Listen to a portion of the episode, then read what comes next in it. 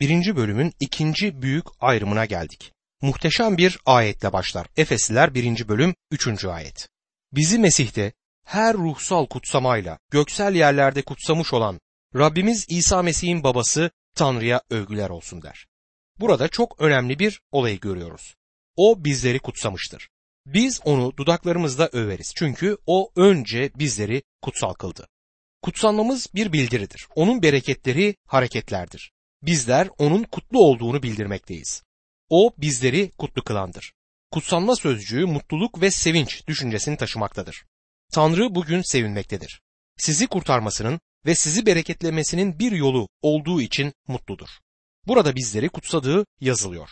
Bundan daha harika bir şey düşünülemez. Cennete gittiğimizde bizim olacak bir şeyden değil, şu anda bizim olan bir şeyden söz eder. Birisi gelip ikinci bereketi aldın mı diye soracaktır. İkinci bereket. Dostum ben bereketleri sayarken yüzlerde hatta binlerdeyim. Ben sadece ikinci bereketi almakla kalmadım. Binlerce bereket aldım. Tanrı bizleri kutsamıştır ve bunu Mesih'te yaptı. Mesih'te göksel yerlerde diyor. Yerler sözcüğünün metinde italikle verilmiş olduğuna dikkat etmeliyiz. Mesih'te göksel yerlerde denmektedir. Bizler her ruhsal bereketle kutsanmaktayız ve göksel yerlerdeyiz. Göksel yerlerin tam olarak neresi olduğunu bilmiyorum ama Rab İsa'nın bulunduğu yer olduğunu biliyorum. O Tanrı'nın sağındadır ve bizlere de bu kutsanmaların Mesih'te olduğu söylenmektedir. Bu konuda dikkatli olmamız gerektiğini söylemek isterim. Bu kutsamaların Mesih ile olduğu söylenmez. Bunu böyle okuyanlar da var. Şu anda sizler ve ben Mesih'te oturtulduk. Birisi bir gün cennete gidecek mi diye sorduğunda genellikle verilen yanıt umarımdır. Size şunu söylemek isterim ki eğer cennete gidiyorsanız Mesih'te zaten oradasınız. Sizi göksel yerlerde Mesih'te kutsamıştır ve buradaki konumumuz her ne olursa olsun şimdiden orada olduğumuza emin olabilirsiniz. Burada işleriniz pek iyi gitmeyebilir ama eğer bir tanrı çocuğuysanız şimdiden Mesih'te olduğunuzu söylemek isterim. Bazı insanlar bunu bile başka bir şekilde yorumlamaktadırlar.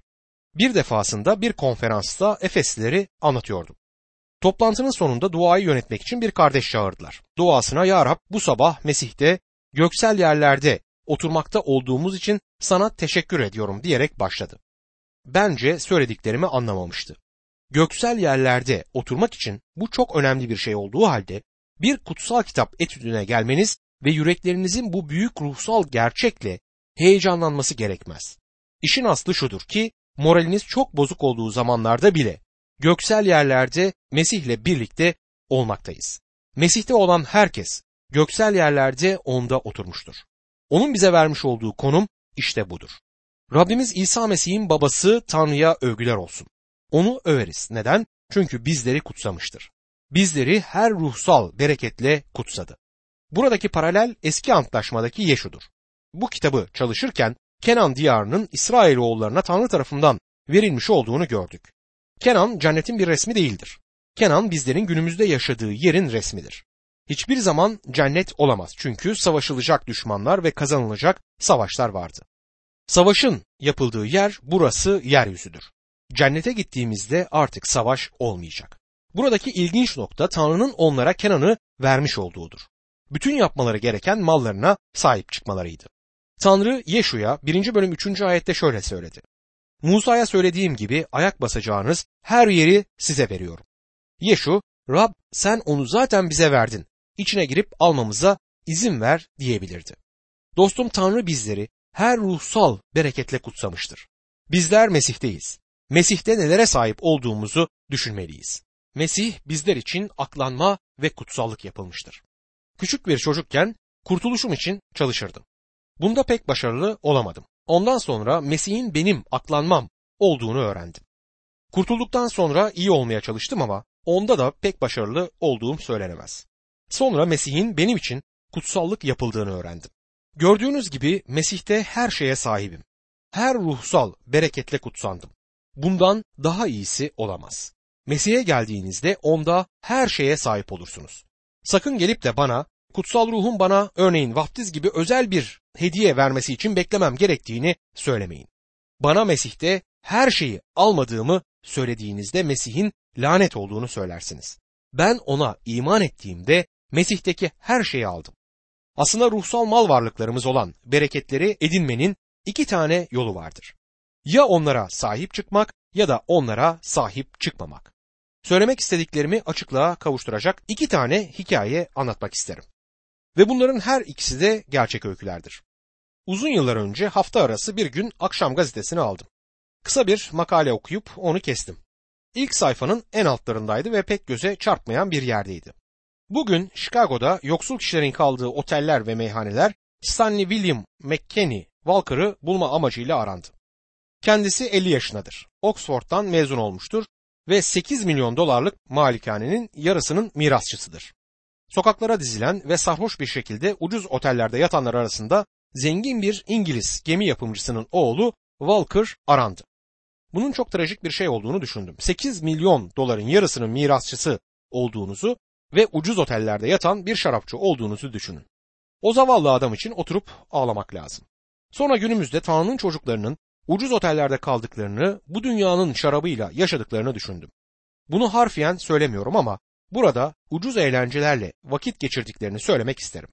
Bu imanlılar Karun'un hayal bile edemeyeceği kadar zengindirler ve her ruhsal bereketle kutsanmışlardır. Ama burada ne yazık ki dilenciler gibi yaşıyorlar. Ve bu çok trajiktir. Bazı vaazlarımda bu öyküyü kullanırım. Ve Chicago'dan ziyaret etmekte olan bir hanım yanıma gelip Doktor Maggie bu hikayenin nasıl sona erdiğini biliyor musunuz diye sordu. Hayır hiç duymadım dedim. Onu buldular dedi. İşte bu harika dedim. Hayır dedi. O sonbaharın sonlarında onu bir evin kapısının önünde ölü olarak buldular. O adamın öldüğü gibi ölmek gerçekten trajiktir. Birçok Hristiyan bu şekilde yaşar ve ölür. Buna karşı Mesih de göksel yerlerde her ruhsal bereketle kutsanmışlardır. İkinci hikaye ise batıda çok yıllar önce gerçekleşmiş bir hikayedir. Bir İngiliz soylusunun mirasçısı fakirlik içinde yaşıyor ve zar zor geçiniyormuş. Soylu öldükten sonra mirasçısını bulmak için aramaya başlamışlar ve onu bulduklarında kendisine mirastan bahsetmişler. Bu konuda basında epey yazı çıkmıştı.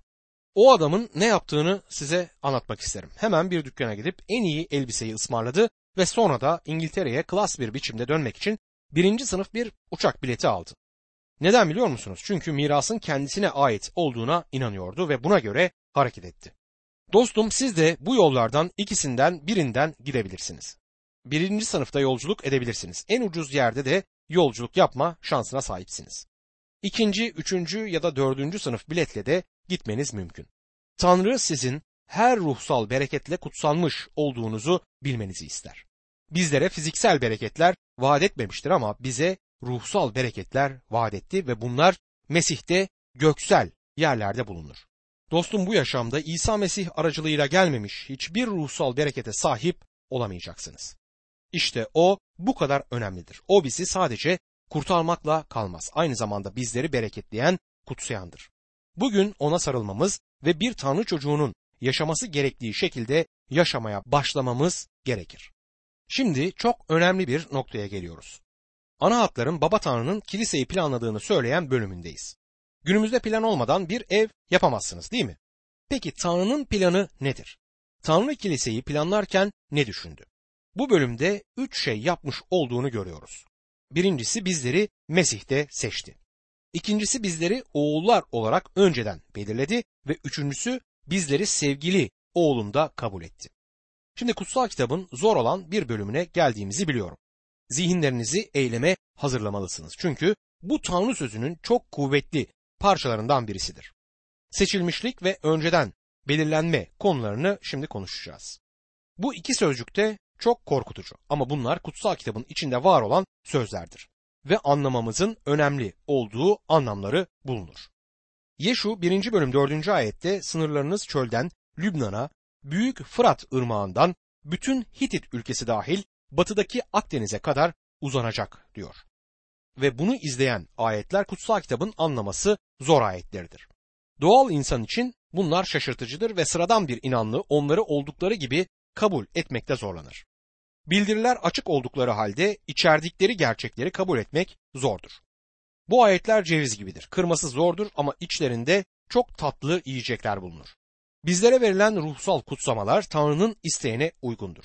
Her şey Tanrı'nın amacında kusursuz bir birlik içinde gerçekleşmiştir. Bu dünya ve bu evren Yüce Tanrı'nın planı ve amacına göre dönecektir. Bu ayet bir önceki ayetteki bir kutsamanın içerdiği üç kutsamaya bakar. Üçüncü ayette üç tane daha kutsama bulunur. İlk olarak her ruhsal kutsamada vardır. Bunlar göksel yerlerdekilerdir ve son olarak Mesih'de sözcüğü içerisinde bulunan büyük pakete konulurlar. Düşüncenin tamamı şudur. Armağanınızı açın ve Mesih'in sizin için neler yapmış olduğunu görün. Bundan sonra da imanla hareket edip bunları kendinize mal edin ve bugün artık Tanrı'nın sizi çıkartmış olduğu yüksek düzeyde yaşayın. Tanrı sizi bir oğul yapmıştır ve sizi her ruhsal kutsamayla bereketlemiştir. Bizler bugün dünyada böyle yaşamalıyız. Bunların hepsi onun planına göredir. Baba Tanrı kiliseyi planladı. Oğul Tanrı kilisenin bedelini ödedi ve kutsal ruh Tanrı kiliseyi koruyor. Bütün bereketlerimizin kaynağı Rab İsa Mesih'in Tanrısı ve babasıdır. Kurtuluşunuzun hiçbir şekilde bizden değil, tamamıyla Tanrı'dan olduğunun bilincine varmamız için aklımızı ezeli geçmişe götürmektedir. Sizler ve ben kurtuluşumuzu başlatanlar, gerçekleştirenler ya da mükemmelliğe eriştirenler değiliz. Hepsini Tanrı yaptı. Eski bir ilahinin sözleri bunu şu şekilde dile getirir. Ben seni seçmedim çünkü Rab böyle bir şey olamazdı. Bu yürek seni yine de reddedebilirdi. Ama sen beni seçtin. Günümüzde çok sevilen bir ilahi ise şöyle der. Ben Tanrı'nın ahılından dışarılarda kayıp gezen bir yabancıyken İsa beni aradı. O beni tehlikeden kurtarmak için değerli kanını döküp duruma müdahale etti. Dünyanın kuruluşundan önce bizi Mesih'te seçti diyor. Tanrı bizlerin kurtuluşunu bizler daha bu dünyaya gelmeden çok önce ezelde planladı. Rab İsa Mesih zamanda yolculuk ederek geldi ve zamanın doluluğu geldiğinde çarmıhın üzerinde kurtuluşumuzu gerçekleştirdi. Kutsal Ruh Tanrı günümüzde bizleri ikna edendir. Bizleri Mesih'te iman konumuna ve Rab İsa Mesih'te vahyedilen Tanrı'nın lütfunun kurtaran bilgisine getirmektedir. Yıllar önce bir hikaye duydum. Memphis, Tennessee'deki bir zenci çocuk muhafazakar tutucu bir kiliseye katılmak ister. Ve diyakonlar onu imtihan ederler.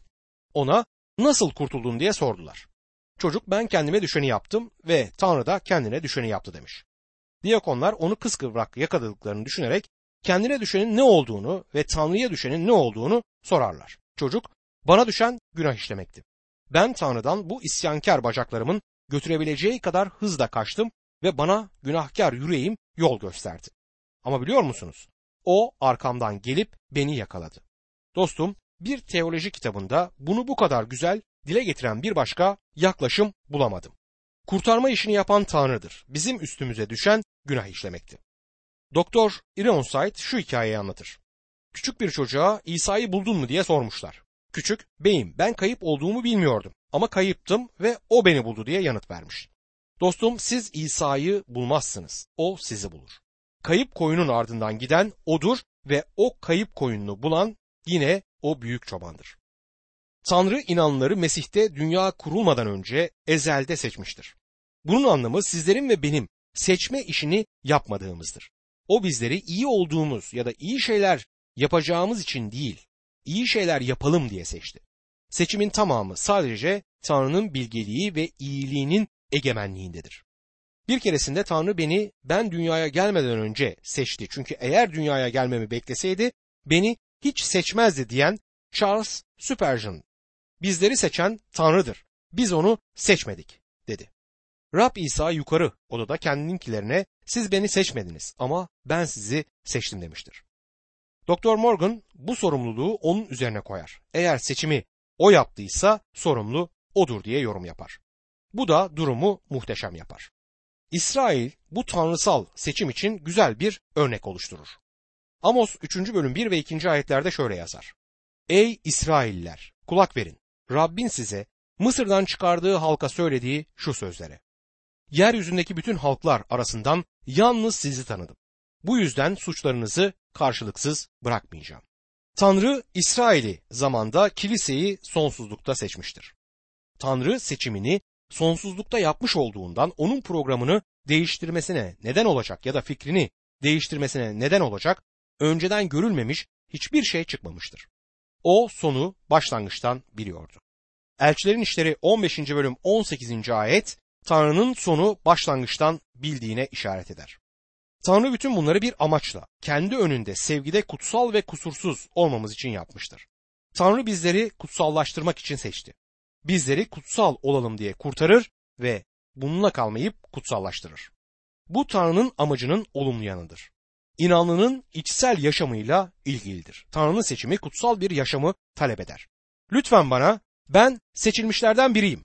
Lütuf aracılığıyla kurtuldum ve şimdi canımın istediğini yapabilirim demeyin. Elçi Pavlus bu tür bir mantığa yanıt verir. Romalılar 6. bölüm 1 ve 2. ayetlerde öyleyse ne diyelim? Lütuf çoğalsın diye günah işlemeye devam mı edelim? Kesinlikle hayır. Günah karşısında ölmüş olan bizler artık nasıl günah içinde yaşarız diye sorar. Lütfu günah için bir ehliyet olarak dostum kullanamazsınız. Eğer günah içinde yaşamaya devam ederseniz bunun nedeni kurtulmamış bir günahkar olmanızdır. Kurtulan bir günahkar yaşam biçiminde bir değişikliği gösterecektir. Tanrı bizleri sadece kutsal olalım diye değil, aynı zamanda suçsuz olalım diye de seçti. İşte bu olumsuz yöndür. Mesih'e iman eden kişi Tanrı'nın önünde kusursuz, suçsuz biri olarak görülür. Bunun da bir örneğini İsrail'de yine görüyoruz. Tanrı Balam'ın İsrail'i lanetlemesine ya da halkında kusur bulmasına izin vermedi. Çölde sayım 23. bölüm 21. ayette Yakup soyunda suç bulunmadı. Ne de İsrail'de kötülük. Tanrıları Rab aralarındadır. Aralarındaki kral olarak adına sevinç çığlıkları atıyorlar der. Evet ama İsrail kampına gitseydiniz Tanrı'nın onlarda suç bulduğunu ve onları yargıladığını görürdünüz. Tanrı o kampı kutsallaştırır ve temizler. Tanrı sizi kutsal kılmak ve kusursuz kılmak için seçmiştir. Bunun anlamı hayatınızın değiştiğidir. Eğer değişiklik konusunda hiçbir kanıt yoksa, o zaman seçilmişlerden biri olamazsınız. Tanrı çocuklarının günahla kirlenmemiş hayatlar yaşamalarını ister. Onları her suçtan kurtarmak için gereken her şeyi sağlamıştır. 1. Yuhanna 2. bölüm 2. ayette Yavrularım bunları size günah işlemeyesiniz diye yazıyorum. Ama içimizden biri günah işlerse adil olan İsa Mesih bizi babanın önünde savunur. O günahlarımızı yalnız bizim günahlarımızı değil bütün dünyanın günahlarını da bağışlatan kurbandır der. Bu arada bu sınırlı kefaretin bir kerede ve her zaman için sorusunu yanıtlar. Yani Mesih sadece seçilmişler için ölmüştür. 1. Yuhanna'daki bu ayet onun dünya için öldüğünü de açıkça söyler.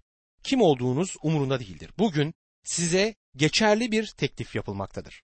Ve bu da İsa Mesih'in sizin için ölmüş olduğudur. Saklanıp seçilmişlerden biri değilim diyemezsiniz. Eğer onun sesini duyarsanız seçilmişlerden birisiniz. Ayrıca onun sesini duymama özgür iradesine de sahipsiniz. Cennetin tanrısının burada olan bazılarımızı seçip kurtarması görkemli ve muhteşem bir olaydır. Bunu anladığımı iddia edemem ama sadece inanıyorum. Rab bizlere büyük ve geniş bir yol ve o yolun yanında dik ve dar bir girişten söz etmiştir. Yuhanna 14. bölüm 6. ayette İsa yol, gerçek ve yaşam benim dedi. Benim aracılığım olmadan babaya kimse gelemez. Ve aynı şekilde Yuhanna 10. bölüm 9. ayette kapı benim der. İlginç olan şey insanların çoğunun üzerinde yolculuk etmekte olduğu geniş yolun gitgide daralıp sonunda yıkama götürmesidir. Dilerseniz o geniş yolda yolunuza devam edebilirsiniz ama eğer isterseniz oradan dönebilirsiniz. Yuhanna 6. bölüm 37. ayette babanın bana verdiklerinin hepsi bana gelecek ve bana geleni asla kovmam diyor. O dar yoldan girebilirsiniz ve ilginç olan şey girişin dar olduğu ama gittikçe yolun genişlediğidir. Yuhanna 10. bölüm 10. ayette hırsız ancak çalıp öldürmek ve yok etmek için gelir. Bense insanlar yaşama, bol yaşama sahip olsunlar diye geldim der. Geniş yoldan söz ederseniz geniş yol dar kapıdan girdikten sonra gelir. Ama gördüğünüz gibi bir seçim yapmanız gerekir. İsteyen herkes bu sizi de içeren bir davettir ve geçerli bir davettir. Bu tercihi yapabilir. Modi bunu kendine özgü bir biçimde dile getirir. Dileyen herkes seçilmişlerdendir ve dilemeyenler de seçilmiş olmayanlardır der. Bu size bağlıdır. Tanrı davetini yapmıştır. Dileyen gelebilir. Lütfen dışarıda bırakıldığınızı söylemeye çalışmayın. Tanrı dünyayı çok sevmiştir. Ona inanan kişiler yok olmayacaktır.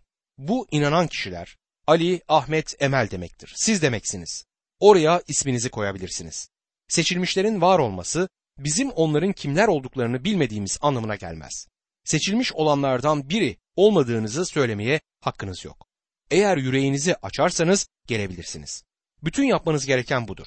Günümüzde var olan aklımda bazı şüpheler var düşüncesine inanmıyorum. Sorun hayatınızda günahın olmasıdır ve kutsal kitap bunu kınar. Mesih'e iman ederseniz bunun anlamı o günahtan dönmeniz gerekeceğidir ve bazı insanlar günahlarından dönmeyi istemiyorlar. Onda seçilmiş. Tanrı sözü tekrar ve tekrar Tanrı'nın egemen seçiminden söz eder. Elçi Paulus 2. Selanikliler 2. bölüm 13 ve 14. ayetlerde şöyle der. Ama biz, ey Rabbin sevdiği kardeşler, sizler için her zaman Tanrı'ya şükran borçluyuz. Çünkü Tanrı ruh aracılığıyla kutsal kılınıp gerçeğe inanarak kurtulmanız için sizi ta başlangıçtan seçti. Rabbimiz İsa Mesih'in yüceliğine kavuşmanız için bildirdiğimiz müjdeyle sizi bu kurtuluşa çağırdı. Ve Petrus da şöyle der. 1. Petrus 1. bölüm 2. ayetti. İsa Mesih'in sözünü dinlemeniz ve onun kanının üzerine serpilmesi için Baba Tanrı'nın öngörüsü uyarınca ruh tarafından kutsal kılınarak seçildiniz. Lütuf ve esenlik artan ölçüde sizin olsun. İlginç olan seçilmişlik ve kutsallaştırmanın el ele gidiyor görünmesidir. Ve her ikisinin de Rab İsa Mesih'te bir araya gelmesidir. Eğer Tanrı sizi kurtardıysa sizi iyi olduğunuz için değil, iyi olmadığınız için seçmiştir. Elçi Paulus bunu harika bir şekilde Romalılar 9. bölüm 1 ila 16. ayetlerde dile getirir. Şöyle söyler. Öyleyse ne diyelim? Tanrı adaletsizlik mi ediyor? Kesinlikle hayır. Çünkü Musa'ya şöyle diyor. Merhamet ettiğime merhamet edeceğim, acıdığıma acıyacağım. Demek ki bu insanın isteğine ya da çabasına değil, Tanrı'nın merhametine bağlıdır. Musa duada Tanrı'nın önüne çıkmış ve Tanrı kendisini yanıtlamıştı. Musa duanı duyup yanıtlayacağım ama bunu sen Musa ve kurtarıcı olduğun için değil, merhamet ettiğime merhamet edeceğim ve acıdığıma acıdığım için yapacağım der. Bu insanın isteğine ya da çabasına göre değil, benim merhametime bağlıdır demiştir. Peki siz Tanrı'nın merhametini yaşamak istiyor musunuz? O zaman ona dönmeniz gerekir.